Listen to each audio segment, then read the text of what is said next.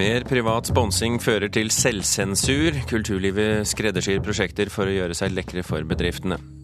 Asiatisk triumf under filmfestivalen i Berlin. Viktig pris også til en norsk film.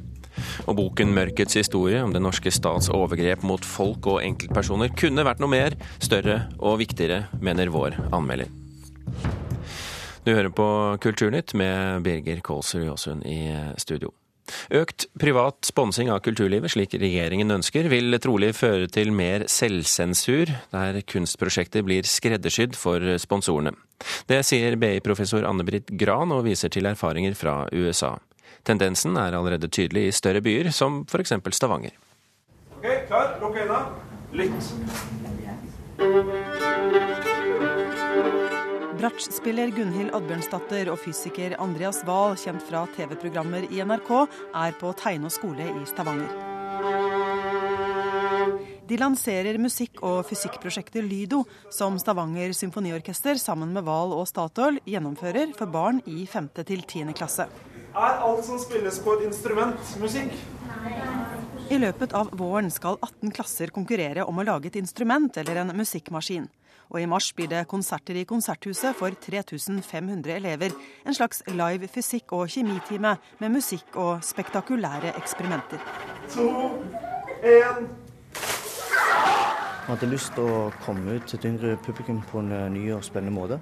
Så tok vi kontakt med Statoil eh, og pitcha inn eh, dette her, at det var en binding mellom musikk og fysikk. Sier Gaute Oddnesen, kommunikasjonssjef i Stavanger symfoniorkester. Vi håpet at Lydo skulle være med og gi en sånn, en, en kraft inn mot realfag. At det, det er kult å være nært og være flink i noe. Men at et symfoniorkester ser det som sin oppgave å fremme realfag i skolen, er ikke åpenbart. Dette handler om å finne på prosjekter som kan gagne ikke bare kunsten og publikum, men også sponsorene. I dette tilfellet Statoil, sier Oddnesen. Selv om man lever i Stavanger og Rogaland, så sitter ikke oljepengene løst. Det, det er jo helt klart at de har jo et ønske og et krav eh, om at ting på en måte skal sammenfalle med de. Eh, da må en på en måte evne til å, å skreddersy ting eh, ut ifra sin organisasjon, som òg eh, treffer de. Sponsoratene blir mer og mer eh, instrumentelle, sett fra bedriftens side. Rett og slett at de vil ha mer igjen for å sponse kulturlivet. Og Det betyr selvfølgelig at kulturlivet må yte mer, og kanskje også mer enn det de noen ganger ønsker seg. Ja. Sier Anne Britt Gran, BI-professor som har forsket mye på kultursponsing. De store bedriftene driver ikke lenger med veldedighet. Og selv om de ikke dirigerer innholdet i kunsten, påvirker de likevel hva kulturlivet holder på med, sier Gran. Men det vi vet fra utlandet og, og disse amerikanske undersøkelsene, er at det, det er ikke nødvendigvis at det er sponsorene som, som, som, på en måte dirigerer hva kulturinstitusjonene skal gjøre, men det at kulturinstitusjonene driver selvsensur og, dri, og, og på en måte tilpasser seg ut, liksom, liksom ut fra hva de tror sponsorene forventer, det er noe man kan, kan tenke seg også kan skje i Norge. To, én Orkesterets realfagsflørt er ikke enestående i oljefylket Rogaland. Annet har Jærmuseet fått millionbeløp fra Statoil og Skagenfondet ved å lage utstillinger om henholdsvis energi og miljø, verdiskaping og sparing. Og sponsorsjef i Statoil, Marius Rosenberg Amundsen, bekrefter at den tiden er forbi da selskapet støttet kulturlivet mot å få en logo i programmet og noen billetter tilbake. Det, det vi legger vekt på er å finne de gode samarbeidsformene med hver enkelt partner. Dere har en indirekte påvirkning på kulturlivet? Ja, jeg vil si det er, det er en mulighet både for kulturlivet og næringslivet til å finne de gode samarbeidsformene som, som passer for begge. Er dere klare? Ja! Reporter her var Anette Johansen Espeland. Svein Harberg, leder av familie- og kulturkomiteen i Stortinget for Høyre. Velkommen til Kulturnytt. Takk for det. Høyre og regjeringen ønsker mer privat finansiering av kulturlivet. Hvordan skal dere unngå at det samtidig gjør kunsten mindre fri og uavhengig? Ja, Nå oppfattet jeg jo nettopp av det innslaget vi hørte her, at uh, det var jo ikke slik at kunsten i seg selv ble bundet. Jeg syns det var et flott utgangspunkt når orkesteret hadde lyst til å nå nye grupper og få kontakt med de, at de kunne gjøre det i et sånt samarbeid. Og det hørtes jo virkelig ut som de lykkes med det. Men du hørte også Anne-Britt Gran i, fra BI fortelle om undersøkelser gjort i USA? Ja, og i USA er det en helt annen økonomi og en helt annen kultur enn det vi har her. Vårt utgangspunkt er at vi vil at det fortsatt skal være ressurser som tilfaller kulturen, slik at de kan utvikle seg, være nyskapende og nå nye publikum. Og Det er ikke slik at vi kan bare ta og ta og ta fra statsbudsjettet. Der er det stort press om pengene. Derfor vil vi skape en kultur i Norge for at uh, virksomheter også er med å ta sitt samfunnsansvar. Og vi har stor tillit til at kulturinstitusjoner og kulturutøvere har integritet i forhold til sin egen kunst. Men vi snakker jo ikke om eh, at eh, næringslivet bevisst driver sensur. Vi snakker om at kunst- og kulturlivet tilpasser seg for å komme til disse pengene, og derav kanskje ikke er så spisse i kantene som de kan være? Jeg tror at det at de gjør noen ting som blir tilpassa til de som skal høre på, og de som gir et eh, oppdrag, ikke gjør at de går på akkord med sin egen integritet. Og så er det jo det som da også gir økonomi for å drive med det de eh, vil drive med helt fritt. Disse inntektene danner jo grunnlag for den øvrige virksomheten som f.eks. orkesteret her driver med. Det kalles jo samarbeidsavtaler ofte, og ikke sponsoravtaler. Er det en fare for at kulturinstitusjoner får for tette bånd til bedrifter og bransjer, som gjør det vanskelig å utøve den kritiske eh, rollen i neste omgang? Nei, altså, det, ja, det er alltid en fare for at ting kan gå for langt. Men jeg tror det at det er lenge i Norge før vi er der. Det som er viktig for oss nå, det er at vi får virksomheter til å være med og ta det samfunnsansvaret det er. og for at det er et allsidig kulturliv i hele landet. Det å koble de på forskjellige aktiviteter er en god måte å gjøre det på.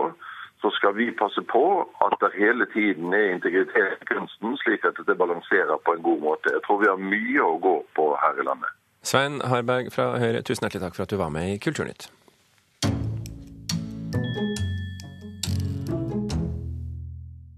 Jeg håper vi i jubileumsåret skal klare å gjøre Grunnloven levende.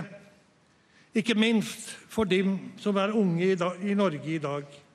Jeg håper vi vil være rause med hverandre, både innenfor og utenfor landets grenser. Og jeg håper på god takhøyde for ulikhet og debatt. Og debatt ble det ganske umiddelbart etter at kong Harald åpnet grunnlovsfeiringen på Eidsvoll i går kveld. For nestleder i Kristelig Folkeparti, Dagrun Eriksen, reagerte på at jødeparagrafen ble fremstilt på denne måten under TV-sendingen i går kveld. Jøder, er det egentlig Er de så ille, eller?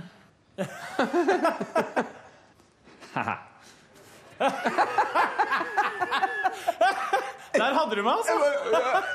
Jøder, er de egentlig så ille, liksom? Det er dagens beste.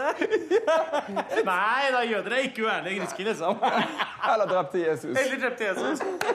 Ok, Ferdig? Ja, du er ferdig. Ja, Dagrun Eriksen skrev uh, umiddelbart på Twitter i går at det er uh, sjokkerende og pinlig å lage humor av uh, paragrafen som stengte jøder ute fra landet.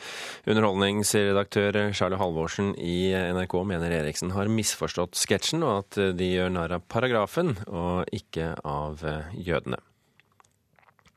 Regjeringen ønsker å oppheve momsfritaket på papiraviser og erstatte det med en lavmoms på 8% for både papir- og digitalaviser.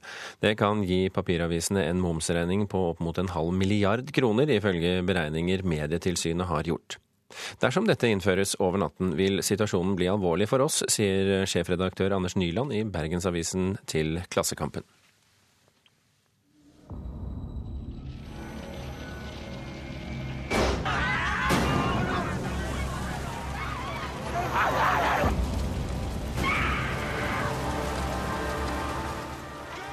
Den dansk-norsk-britiske filmen The Act of Killing vant i går kveld BAFTA-prisen for beste dokumentar. Prisen er eh, britenes mest prestisjetunge filmpris. Filmen handler om folkemordet i Indonesia på 1960-tallet, og har vakt oppsikt ved å la gjerningsmennene selv fortelle om drapene og vise hvordan de ble utført. Og nå til en eh, annen filmprisvinner denne helgen.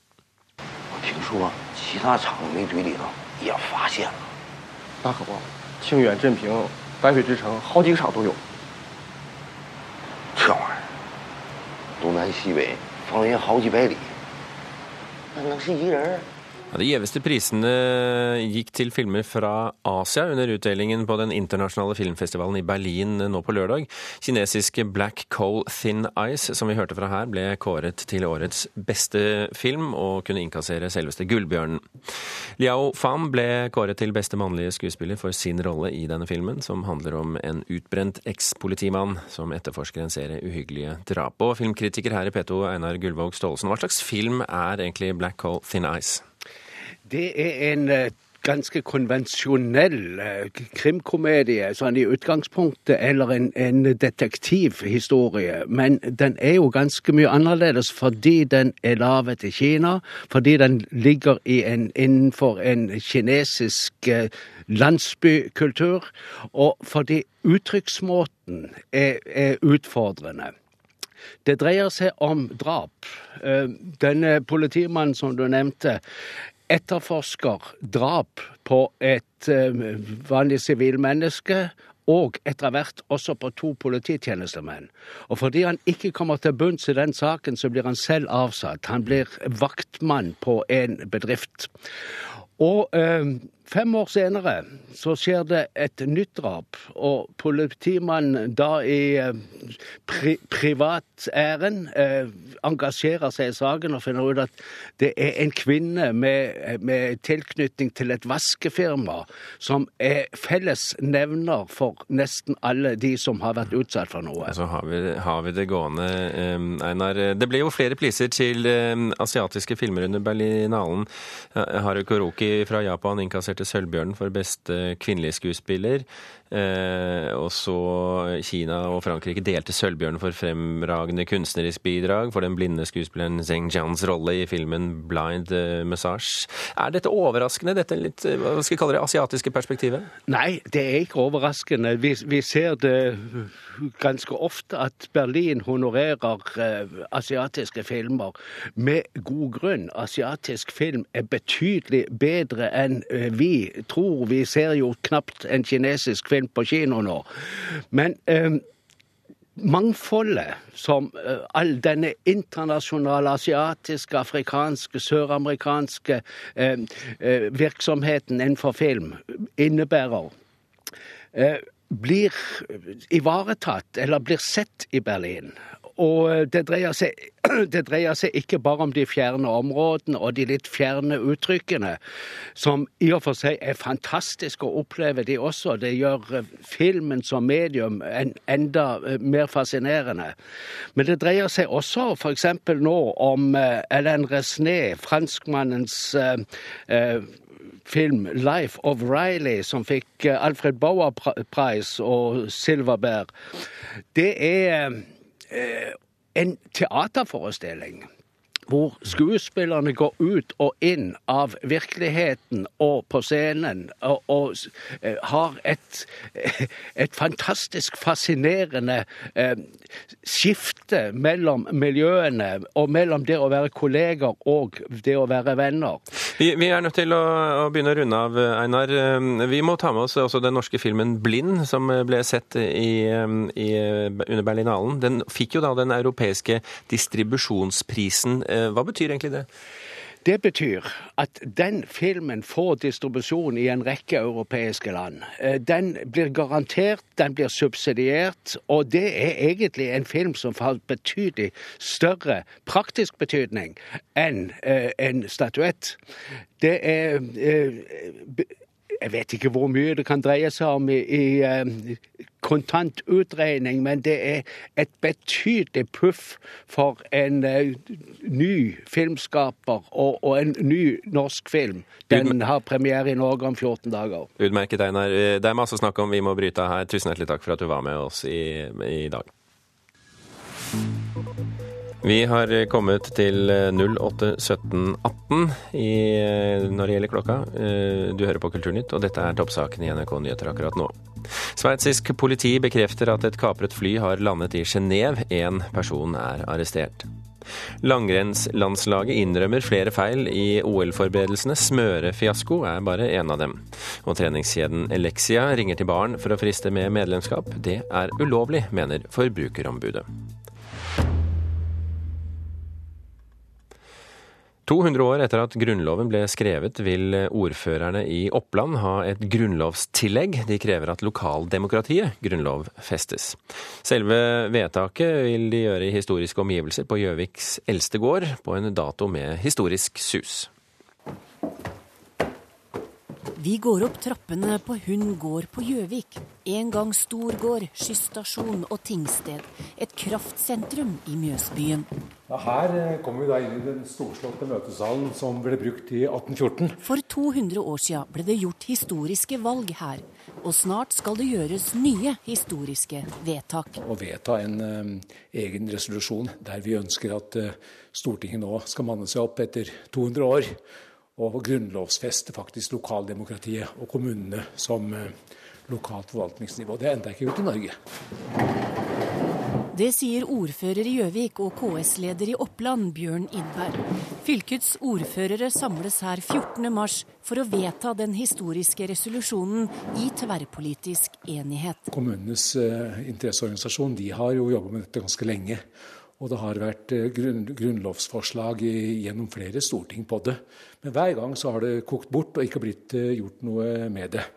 Denne gangen håper vi at i lys av grunnlovsjubileet så burde det kunne være dags for å endelig få fremmet et forslag som eh, Stortinget kan vedta. Dette er da lyden av 1814. Eh, Akkompagnert av en spesialskrevet sang vedtok de høye herrer i Oppland for 200 år siden hvem som skulle bli fylkets utsendinger til Eidsvoll. Brødre frem brødre frem. Denne gangen møtes fylkets ordførere i tidsriktig antrekk. Sjølve bygningen, som nå er i Mjøsmuseets eie, er satt i tidsriktig stand for én million kroner.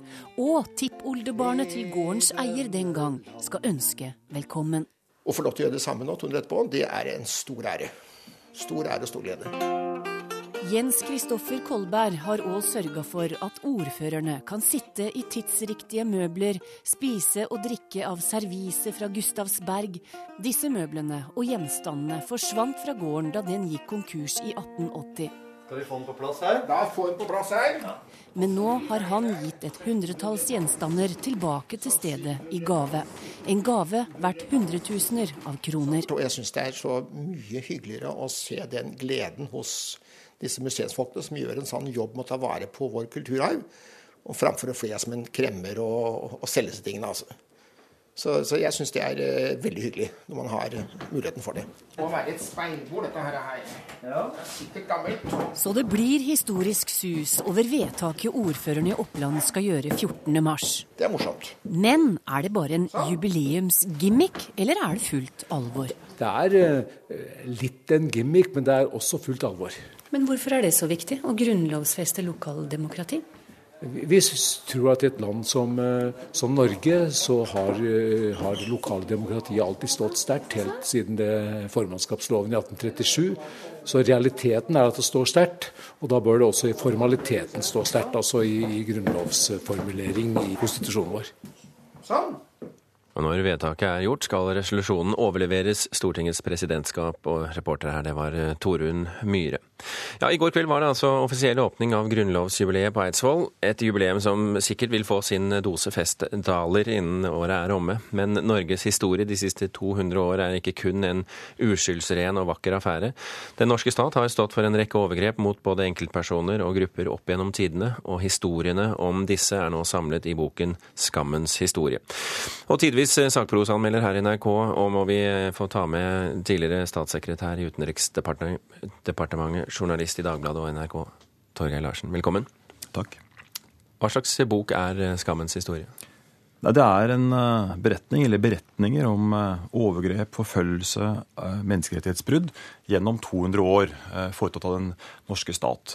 Med særlig skal jeg si, sterke kapitler som omhandler forfølgelse av annerledeshet, minoriteter, jøder, tatere, romfolk, homoseksuelle. Ført i pennen av Sigmund Aas og Thomas Westgården. Eh, eh, det er jo en del kategorier overgrep vi snakker om her. Eh, hvilke er det?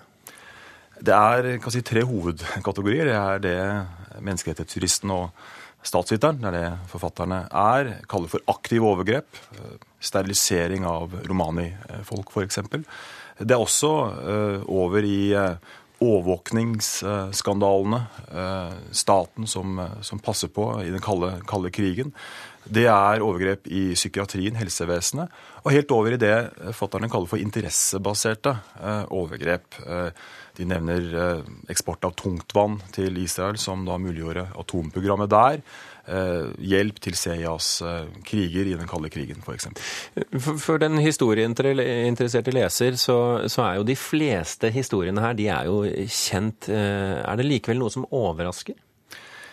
Som du sier, så er dette stort sett sammenfatninger av, av kjent stoff. Men det er ting som er mindre kjent, og så er det noe helt nytt. Jeg vil trekke fram det som har engasjert forfatterne spesielt. Det er en historie om det de kaller for Skammens grav ved Ris eh, kirkegård her i, i Oslo, der det ligger 50-talls eh, umerkede mennesker.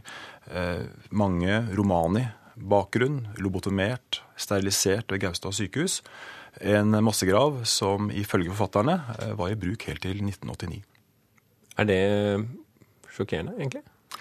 Måten det skrives på og omtales, og at det holdt på for å si det sånn, så lenge. og det forfatterne beskriver av, av stengsler for å få informasjon om dette, eh, rystet. Eh, I hvert fall meg. Ja, ja, ja, nå hørte jeg plutselig at jeg, det hørtes ut som jeg mente at det ikke var eh, eh sjokkerende. For, men det mente jeg ikke. Men, eh, eh men ja, altså Disse historiene er konkret beskrevet. Ehm, er det en styrke eller svakhet at den forholder seg liksom konkret i norske forhold, uten å sette det inn i en skandinavisk eller en si, eh, europeisk historisk kontekst? Uh, av og til så er den, altså sammenligner den med en, en, kontekst, men for sjelden, vil jeg si. Og det er en svakhet ved, ved boka.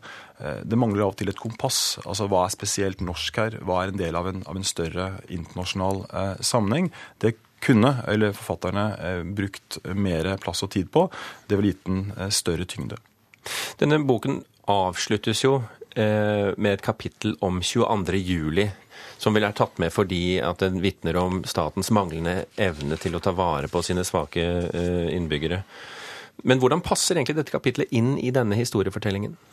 Jeg vil si at det kapitlet på mange måter er bokas store forspilte mulighet.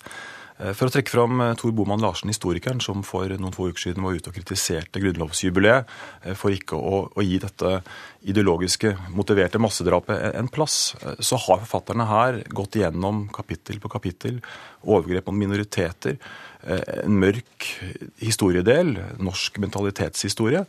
Så stilles det ingen spørsmål i det hele tatt om dette kan fortelle oss noe om bakgrunnen for den norske gjerningsmannen som gjorde det han, han, gjorde. Men det reduseres til en slags kjent gjennomgang av eh, beredskapssvikten eh, og alt det som, som, feilet. Og det er på en måte noe som hos meg sitter igjen som her kunne de gjort denne boken til noe langt større og mer enn det den er. Oppsummert, er det en god bok, 'Skammens historie'? I sum, I sum, så er boka en eh, rystende samling enkelthistorier. Mange er godt skrevet. Eh, men den kunne ha vært noe, noe større og, og, noe viktigere. Torgeir Larsen, tusen hjertelig takk for at du anmeldte Skammens historie for oss.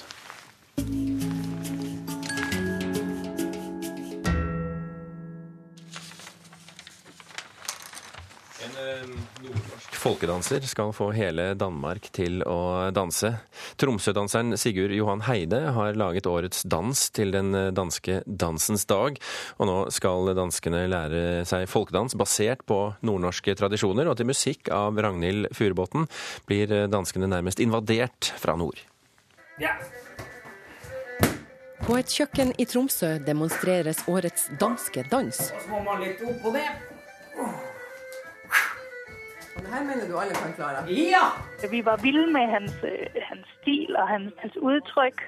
Og det er måske ikke sånn det man tradisjonelt vil se som folkedans i Danmark. Sofie Møstre, koordinator for Dansens dag i Danmark, kan fortelle at de ble forført av bevegelsene til Sigurd Johan Heide.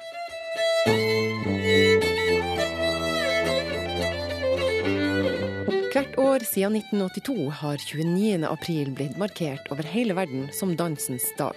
I både Norge og Danmark utpekes en danseambassadør som lager en koreografi som spres ut på nettet og får folk til å danse den samme dansen. De foregående årene er det vel 100 000 som har lært og brukt koreografien. Og det er jo litt artig, for det er jo ikke 100 000 som skal se på det osv., men det er jo 100 000 som lærer seg nordnorske bevegelser til nordnorsk musikk, nordnorsk dans.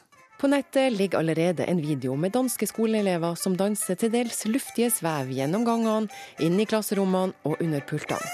Bevegelsen står så der, den er fra eh, Nordlendangen, annet. Man blir litt ydmyk når man får lov til å dele bevegelser og lære folk eh, noe nytt som de ikke trodde de visste de trengte. Og det, det, er kanskje det stiligste med dette. Jobbtilbudet i Danmark var ganske overraskende. Jeg tenker jo at de eh, har tatt feil først.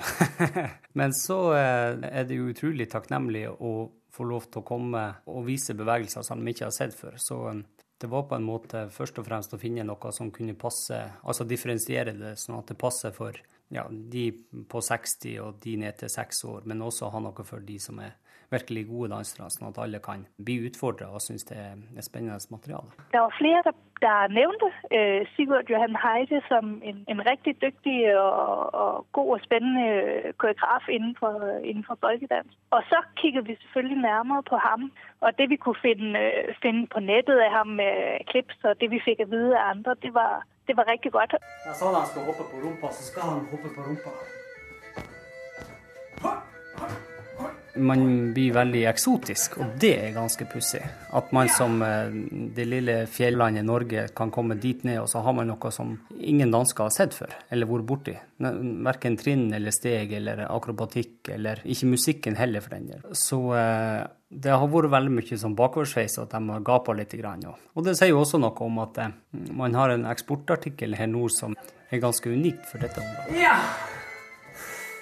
Reporter, eh, reporter, i denne saken, det var Hege Irén eh, Hansen. Kulturnytt har eh, rundet av i praksis. Lars Tronsmoen, Vidar Sem og Birger Kolsrud Aasund takker.